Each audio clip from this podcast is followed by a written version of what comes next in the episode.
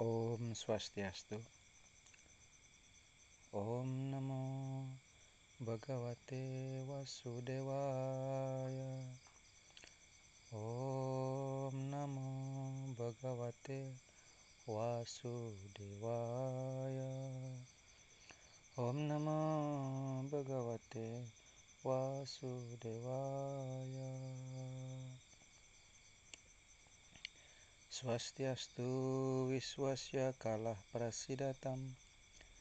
Dhyayantu Bhutani Siwa Dia Manasca Badram Bajatat Adok Saje Awesyatam Womatir Api Ahaituki. Semoga ada segala keberuntungan yang baik di seluruh alam semesta dan semoga semua orang-orang yang iri dipuaskan. Semoga seluruh alam semesta tekun dalam pelaksanaan bakti yoga sehingga bisa memuaskan masing-masing yang lain. Semoga kita bisa senantiasa kusuk berpikir kepada Sang Yang Saja dan selalu memikirkan beliau. Om Agyana Timirandasya Gyanan Salakaya Unmilitam yena tasmai Sri Gurave namaha. Hamba dilahirkan dari kebodohan yang paling gelap. Lalu guru kerohanian membuka mata hamba dengan pelita pengetahuan. Umat sedharma yang berbahagia Bertemu kembali dengan saya dalam acara Penyejuk Jiwa Agama Hindu Bagaimana? Apakah kabar Bapak umat sedharma luar biasa? Ya. Saat ini kita semua sedang mengalami masa-masa cobaan dalam arti kita menerima karunia Tuhan dalam bentuk wabah penyakit corona di mana kita diminta dan dihimbau oleh pemerintah untuk menjaga perilaku hidup sehat, menjaga jarak dengan orang lain, selalu memakai masker, selalu menjaga kebersihan, mengganti pakaian ketika ke, uh, pulang dari tempat yang jauh. Saya harap umat sedharma dan Bapak Ibu semuanya senantiasa mematuhi peraturan itu dan senantiasa bisa berkumpul dengan keluarga dengan baik dan semuanya dalam lindungan Tuhan Yang Maha Esa. Umat sedharma yang berbahagia, kali ini saya ingin menyampaikan sebuah tema atau topik yakni bagaimana kita bisa belajar dari Maharada Dirtarastra. Bapak, apakah umat sedharma masih ingat dengan siapa Maharadha Rastra? Secara singkat, Maharadha Rastra adalah penentu besar terjadinya perang Mahabharata. Beliau adalah Raja Hastinapura dan beliau adalah ayah para Korawa dan paman para Pandawa. Sebelum kita lebih lanjut membicarakan tentang Maharadha Rastra, saya ingin mengutip sebuah sloka yang merupakan awal dari Bhagavad Gita dan ini merupakan titik balik kita untuk membahas siapa Maharadha Rastra dan apa yang kita bisa pelajari dari beliau. Sloka ini disampaikan atau ditanyakan sekitar 5000 tahun yang lalu di hadapan sekretarisnya sendiri yakni Sanjaya. Sloka ini adalah bagian dari bab 1 dan ayat 1 atau sloka 1 dari Bhagavad Gita. Dirtarastra waca Dharmaksetre Kuruksetre Samaveta Yuyut Sawah mamaka pandawascaiwa kim akurwata sanjaya. Saya ulangi Dirtarastra Uwaca Dharma Kurukshetre Samaweta Yuyutsawa Mamaka Pandawascaiwa Kim Akurwata Sanjaya Kim Akurwata Sanjaya. Yang artinya Dirtarasta bertanya, Wahai Sanjaya, apa yang dilakukan oleh putra-putraku dan putra-putra Pandu di medan perang? Nah, jadi yang ingin saya diskusikan di sini dengan Bapak dan Ibu sekalian umat sedharma adalah kata mamaka. Mamaka artinya milikku atau pihakku, putra-putraku. Sebelumnya, mari kita tinjau atau kita lihat dulu siapa Maharada Rasra sebenarnya. Maharada Rasra adalah raja yang buta sejak lahir. Beliau juga salah satu daripada tiga bersaudara, yakni Maharada Rasra sendiri, Pandu, dan Widura. Widura sendiri adalah seorang putra raja tapi lahir dari keluarga dari ibu atau ibunya Widura ini adalah seorang pembantu. Umat sedharma yang berbahagia. Mari kita kupas satu sedikit demi sedikit tentang apa yang kita bisa pelajari dari Dartarastra. Maharada Dartarastra memiliki 100 putra dari ibu namanya Gandari. Mahardarta Rasa ini dikatakan oleh dalam penjelasan Sila Prabhupada itu bahwa beliau seorang raja yang buta sejak lahir dan juga buta secara rohani. Kalau kita perhatikan dari Mahabharata, Mahardarta Rasra adalah seorang raja yang saleh. Dia mengetahui apa itu kebenaran. Hanya, nih, hanya ketika berhadapan dengan putranya atau para putranya, khususnya Duryodhana, dia sangat lemah.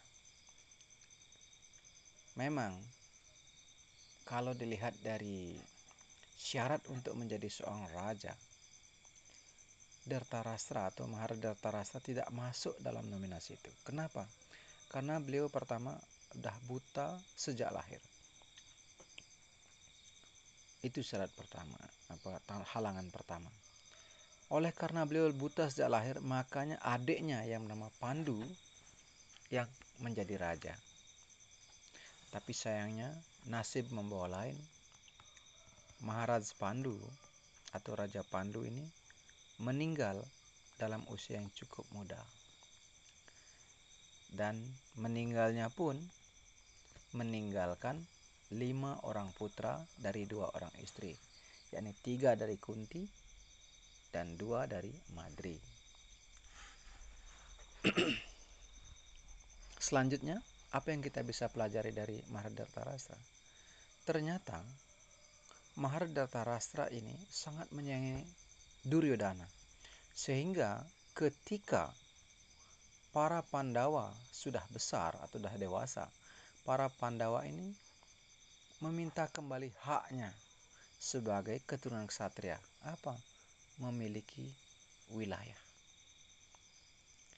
Namun, karena juga keserakahan dari Duryodhana atas pengasuhan daripada Eh, pamannya yaitu Sangkuni dan juga keinginan besar dari Maharad Dirtarastra hanya putranya bahwa putranya lah yang akan menjadi raja maka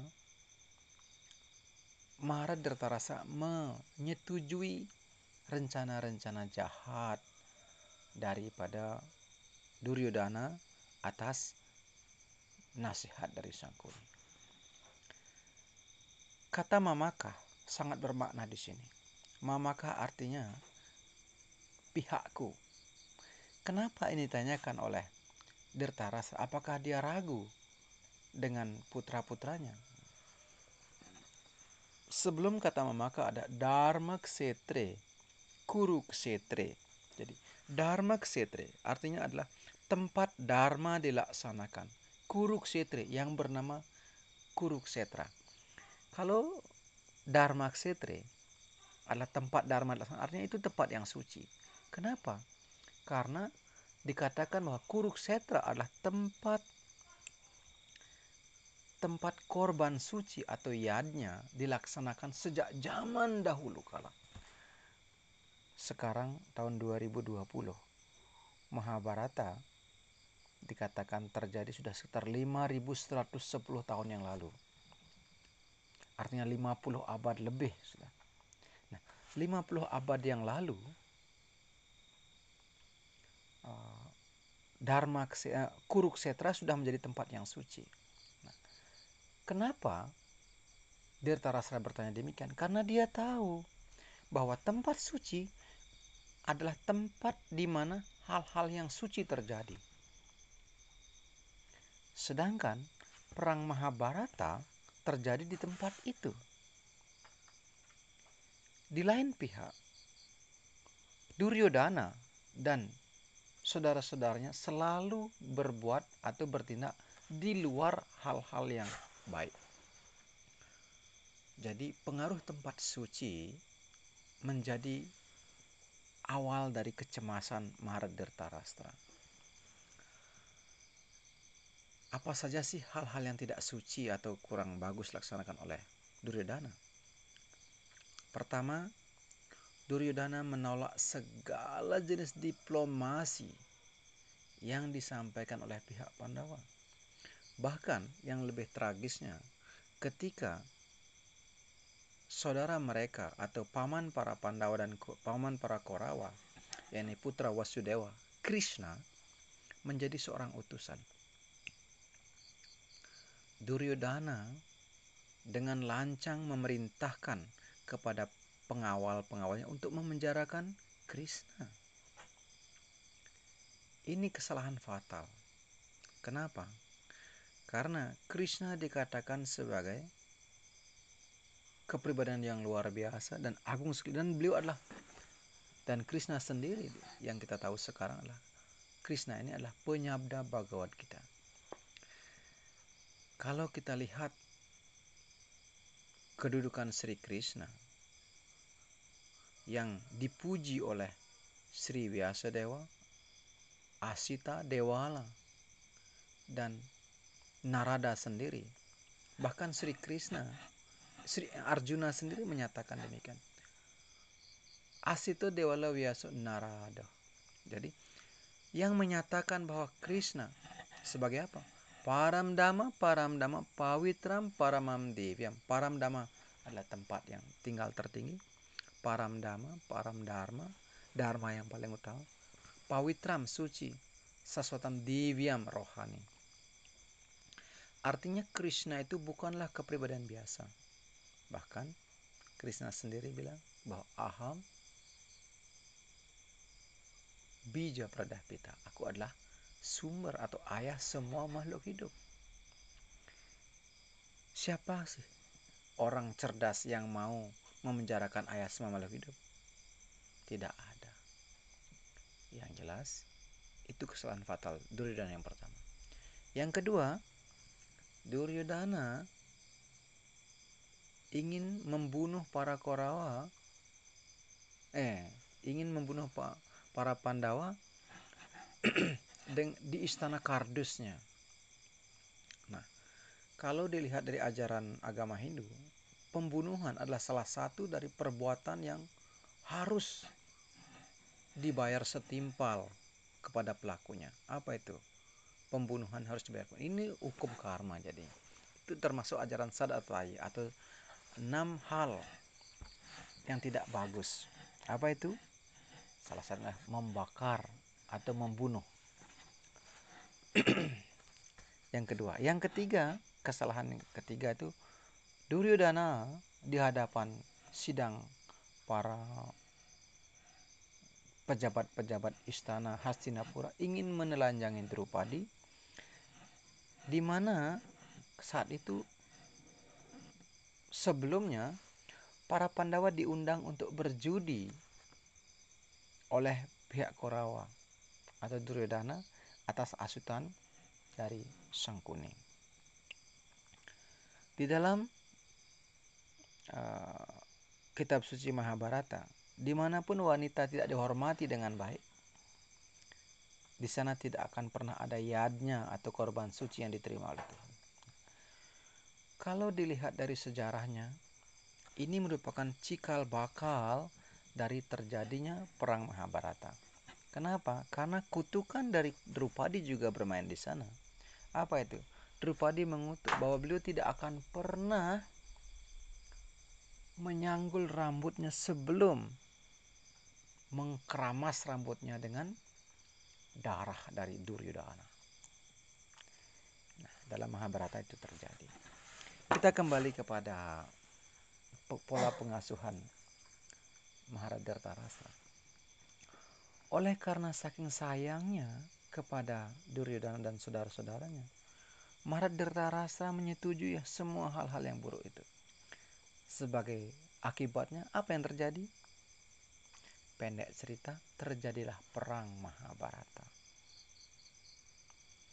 Dan perang Mahabharata itu juga mengakibatkan terbunuhnya semua Korawa dan lebih tragis semua yang hadir di sana terbunuh kecuali para Pandawa. Umat sedharma yang berbahagia.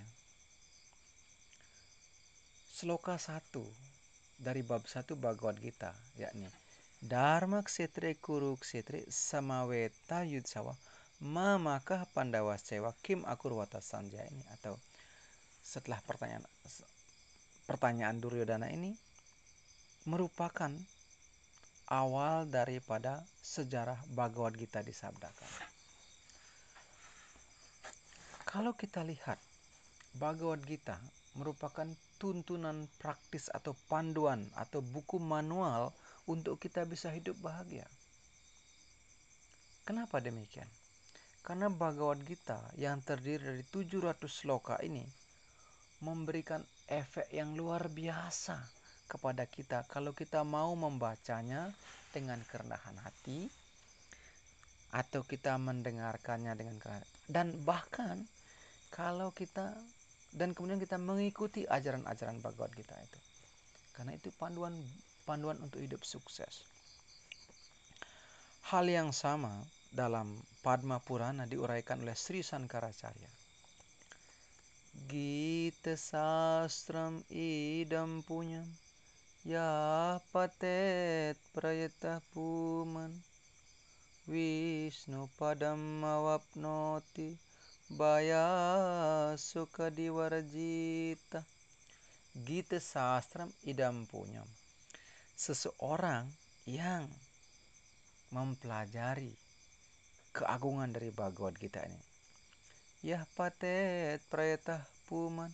Wisnu padam awapnoti dia akan mencapai kepada kaki Padma Sri Wisnu ketika akhir dari kehidupannya ini. Dan dia akan mendap berbahagia dan tidak ada hal-hal material atau penderitaan yang akan menyentuhnya. Jadi Sri Sankaracharya sebagai seorang acarya agung, pemuja siwa atau dikatakan bahwa beliau adalah salah satu garis perguruan Rudra Sempradaya yang menyatakan bahwa keagungan Bhagavad Gita itu mampu memberikan kedamaian kepada pembacanya, kepada orang yang mendengarkannya, dan bahkan akan menghapuskan dosa-dosa. Ini bukan hanya disampaikan oleh Dertar, uh, oleh Sankaracarya saja. Tetapi juga dinyatakan dalam Wisnu Purana di mana Sri Warahadewa mengatakan bersabda bahwa Bhagavad Gita adalah penghancur besar dosa-dosa bahkan dosa yang harus dinikmati pada saat ini atau prarabdha karma pala. Jadi umat Hindu mengenal ada tiga jenis karma atau perbuatan-perbuatan yakni sansita karma pala, prarabdha karma pala, dan kriyamana karma pala. Sancita karma pala artinya perbuatan masa lalu dinikmati sekarang sedangkan prarabdha karma pala itu perbuatan sekarang dinikmati pada kehidupan sekarang ini. Dan kriya mana karma pala itu perbuatan sekarang yang tidak bisa kita nikmati sekarang tapi dinikmati nantinya. Nah, dikatakan bahwa dengan mempelajari Bhagavad kita dengan tulus ikhlas dengan membaca Bhagavad dengan segala kerendahan hati kita akan dihapuskan segala jenis dosa-dosa kita. Banyak cerita di dalam Gita Mahatmya atau Kagungan Bhagavad Gita menyatakan hal ini. Jadi, kita kembali kepada Dirtarastra. Apa sih yang bisa kita ambil dari ajaran Dirtarastra dari uh, tingkah lakunya Dirtarastra ini? Pertama, kita hendaknya memberikan perhatian yang khusus kepada anak kita semaksimal yang kita bisa, tetapi dengan memberikan pendidikan-pendidikan kerohanian.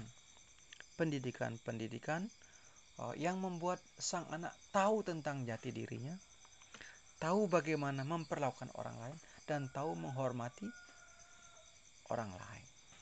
Itu yang pertama. Yang kedua, dengan adanya perlakuan Dertarasra kepada putra-putranya menjadikan Bhagavad Gita disabdakan juga. Itu yang pertama. Tetapi memang atas karunia uh, Sri Dewa, Der Sanjaya yang berada di pihak istana, di istana kerajaan yang jaraknya sekitar 100 mil dari sana mampu juga melihat secara langsung kejadian di medan perang Kurukshetra itu. Jadi umat sedharma yang berbahagia, Mari kita ambil hikmah yang luar biasa ini, yakni apa? Kita pelajari kisah-kisah Bhagavad Gita ini atau Mahabharata ini sebagai makanan pokok kita untuk bisa menjalani kehidupan sebagai manusia menjadi lebih baik. Kita nikmati tembang-tembang ini sebagai persembahan kepada Tuhan. Seperti dinyatakan oleh Sanjaya pada pada bagian akhir dari Bhagavad Gita. Yatra Yogeswara Krishna Yatra Parto Danurdara Tatra Srir Wijayo Butir Drwanitir Matir Mama. Saya ulangi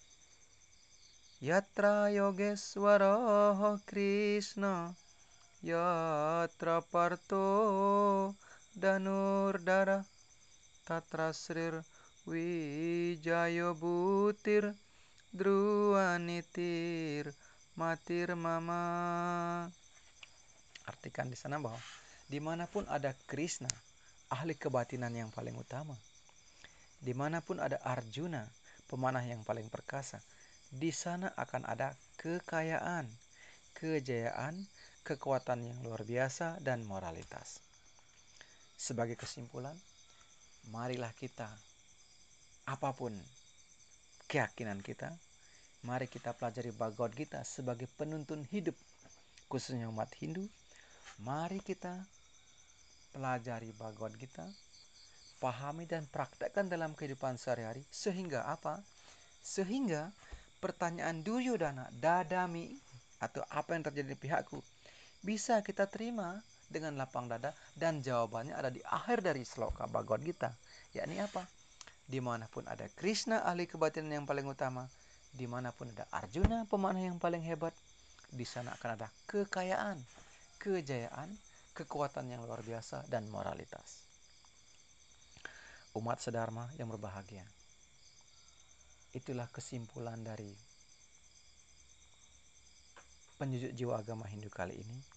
Semoga kita semua bisa berselantiasa meningkatkan pelayanan bakti kita kepada Tuhan Yang Maha Esa. Dan saya akhiri dengan Mukam karoti wacalam pangum lang hayate girim yat kripata mahamuande Sri Guru Dinatarinam Semoga atas karena guru kerohanian Orang yang lumpuh bisa berjalan, bisa mendaki gunung Dan orang yang buta bisa melihat Om Santi Shanti Shanti Om Matur nuwun Om Swastiastu, Om Awigenamastu, Namo Sidam. Pembacaan Sloka Bhagavad Gita, bab 3 Sloka 14. Anat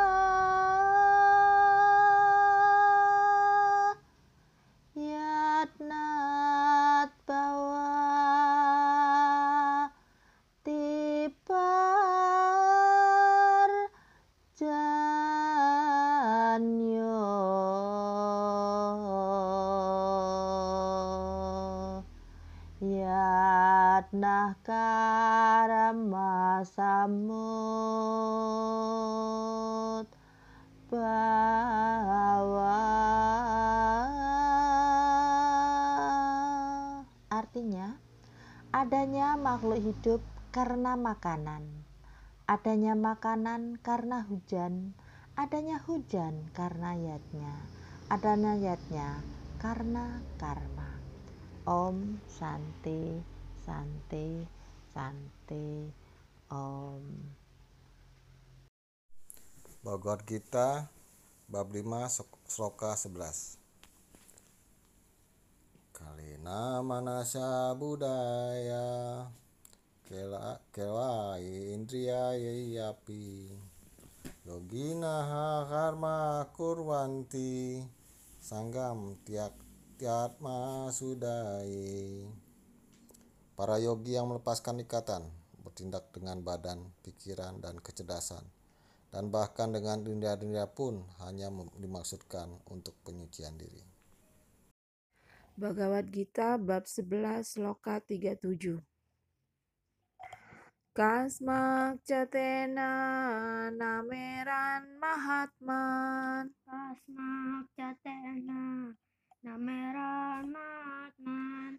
Kariya se brahmanopi adikarte Gaya se brahmano pi adikarte Ananta dewesa jagan niwasa Ananta dewasa jaga niwasa Tvam aksaram sat asatam paramyat Tuam aksaram sat asatat paramyat Oh yang maha besar, lebih tinggi daripada Brahma, Anda adalah pencipta yang asli. Karena itu, bukankah seyogianya mereka bersujud dengan hormat kepada Anda? Oh, kepribadian yang tidak terhingga, Tuhan yang disembah oleh semua dewa, pelindung alam semesta. Anda adalah sumber yang tidak dapat dikalahkan, sebab segala sebab yang melampaui manifestasi alam material ini. Bhagavad Gita bab 3 sloka 6 Karmendriyani samyamya. Karmendriyani samyamya. Ya aste manasa smaran Ya aste manasa smaran. Indriyartan wibunatma Indriyatan wimudatma Mitya cara sa ucate mitya cara sa ujate Artinya, orang yang mengekang indera-indera yang bekerja, tetapi pikirannya di pikirannya merenungkan objek-objek indria pasti menipu dirinya sendiri dan disebut orang yang berpura-pura. Om Swastiastu Pembacaan Sloka Bhagavad Gita bab 3 Sloka 11 Dewan bawa yat nena. Te dewa pa wayan tua. Para param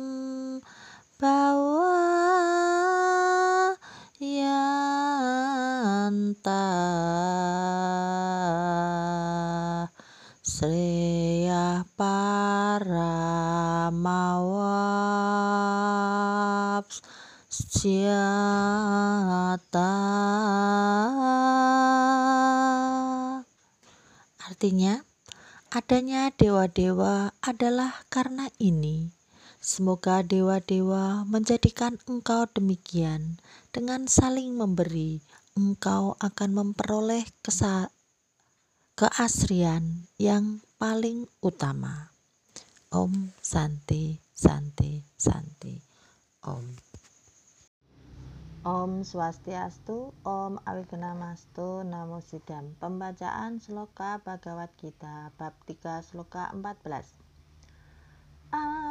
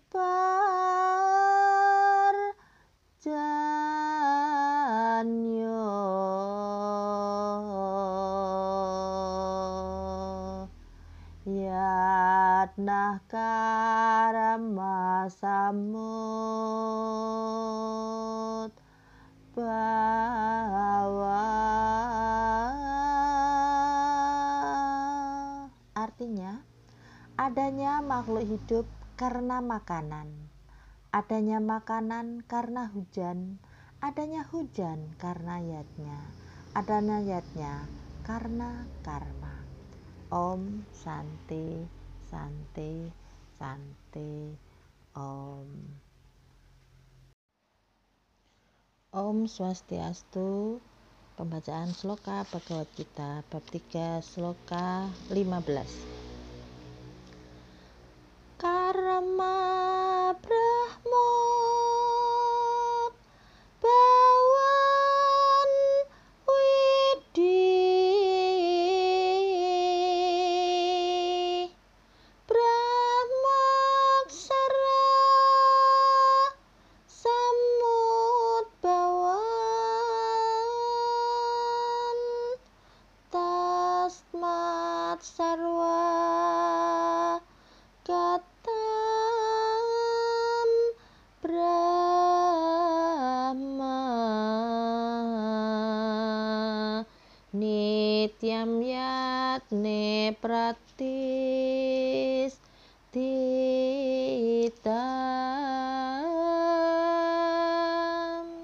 Artinya, ketahuilah adanya karma adalah karena Brahma yang ada dari yang maha abadi.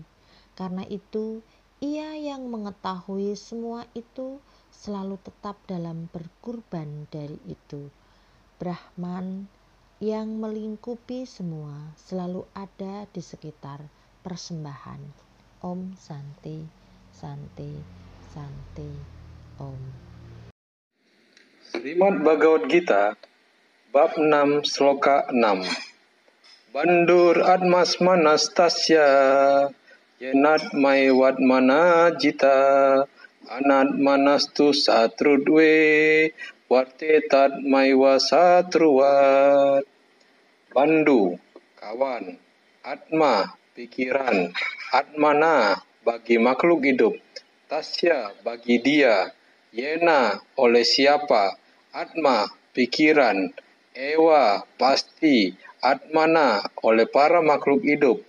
Jita ditaklukkan Anat mana orang yang gagal mengendalikan pikiran. Tu tetapi Satrudwe karena rasa benci Warteta tetap. Atma Ewa pikiranlah Satruwat sebagai musuh. Artinya Pikiran adalah kawan yang paling baik bagi orang yang sudah menaklukkan pikiran. Tetapi bagi orang yang gagal mengendalikan pikiran, maka pikirannya akan tetap sebagai musuh yang paling besar. Diulangi, pikiran adalah kawan yang paling baik bagi orang yang sudah menaklukkan pikiran. Tetapi bagi orang yang gagal mengendalikan pikiran, maka pikirannya akan tetap sebagai musuh yang paling besar. Penjelasan yang berkarunia sila Prabhupada Ki J. Maksud latihan yoga yang terdiri dari delapan tahap ialah mengendalikan pikiran supaya pikiran dijadikan kawan dalam melaksanakan tujuan kehidupan manusia. Kalau pikiran tidak dikendalikan, latihan yoga hanya sebagai tontonan, hanya memboroskan waktu saja. Orang yang tidak dapat mengendalikan pikiran selalu hidup bersama musuh yang paling besar, dan dengan demikian kehidupannya dan tujuannya dirusakkan. Kedudukan dasar makhluk hidup ialah melaksanakan perintah atasan. Selama pikiran tetap sebagai musuh yang belum ditaklukkan, seseorang harus melayani perintah-perintah hawa nafsu, amarah, loba, khayalan, dan sebagainya. Tetapi apabila pikiran sudah ditaklukkan, dengan sukarela seseorang setuju mematuhi perintah-perintah kepribadian Tuhan Yang Maha Esa, Sri Krishna, yang bersemayam di dalam hati setiap orang sebagai paramatma. Latihan yoga yang sejati berarti bertemu dengan paramatma di dalam hati dan kemudian mengikuti perintah beliau. Bagi orang yang mulai mengikuti kesadaran Krishna secara langsung, penyerahan diri secara sempurna terhadap perintah Krishna menyusul dengan sendirinya. Jai Srila Prabhupada Ki Jai.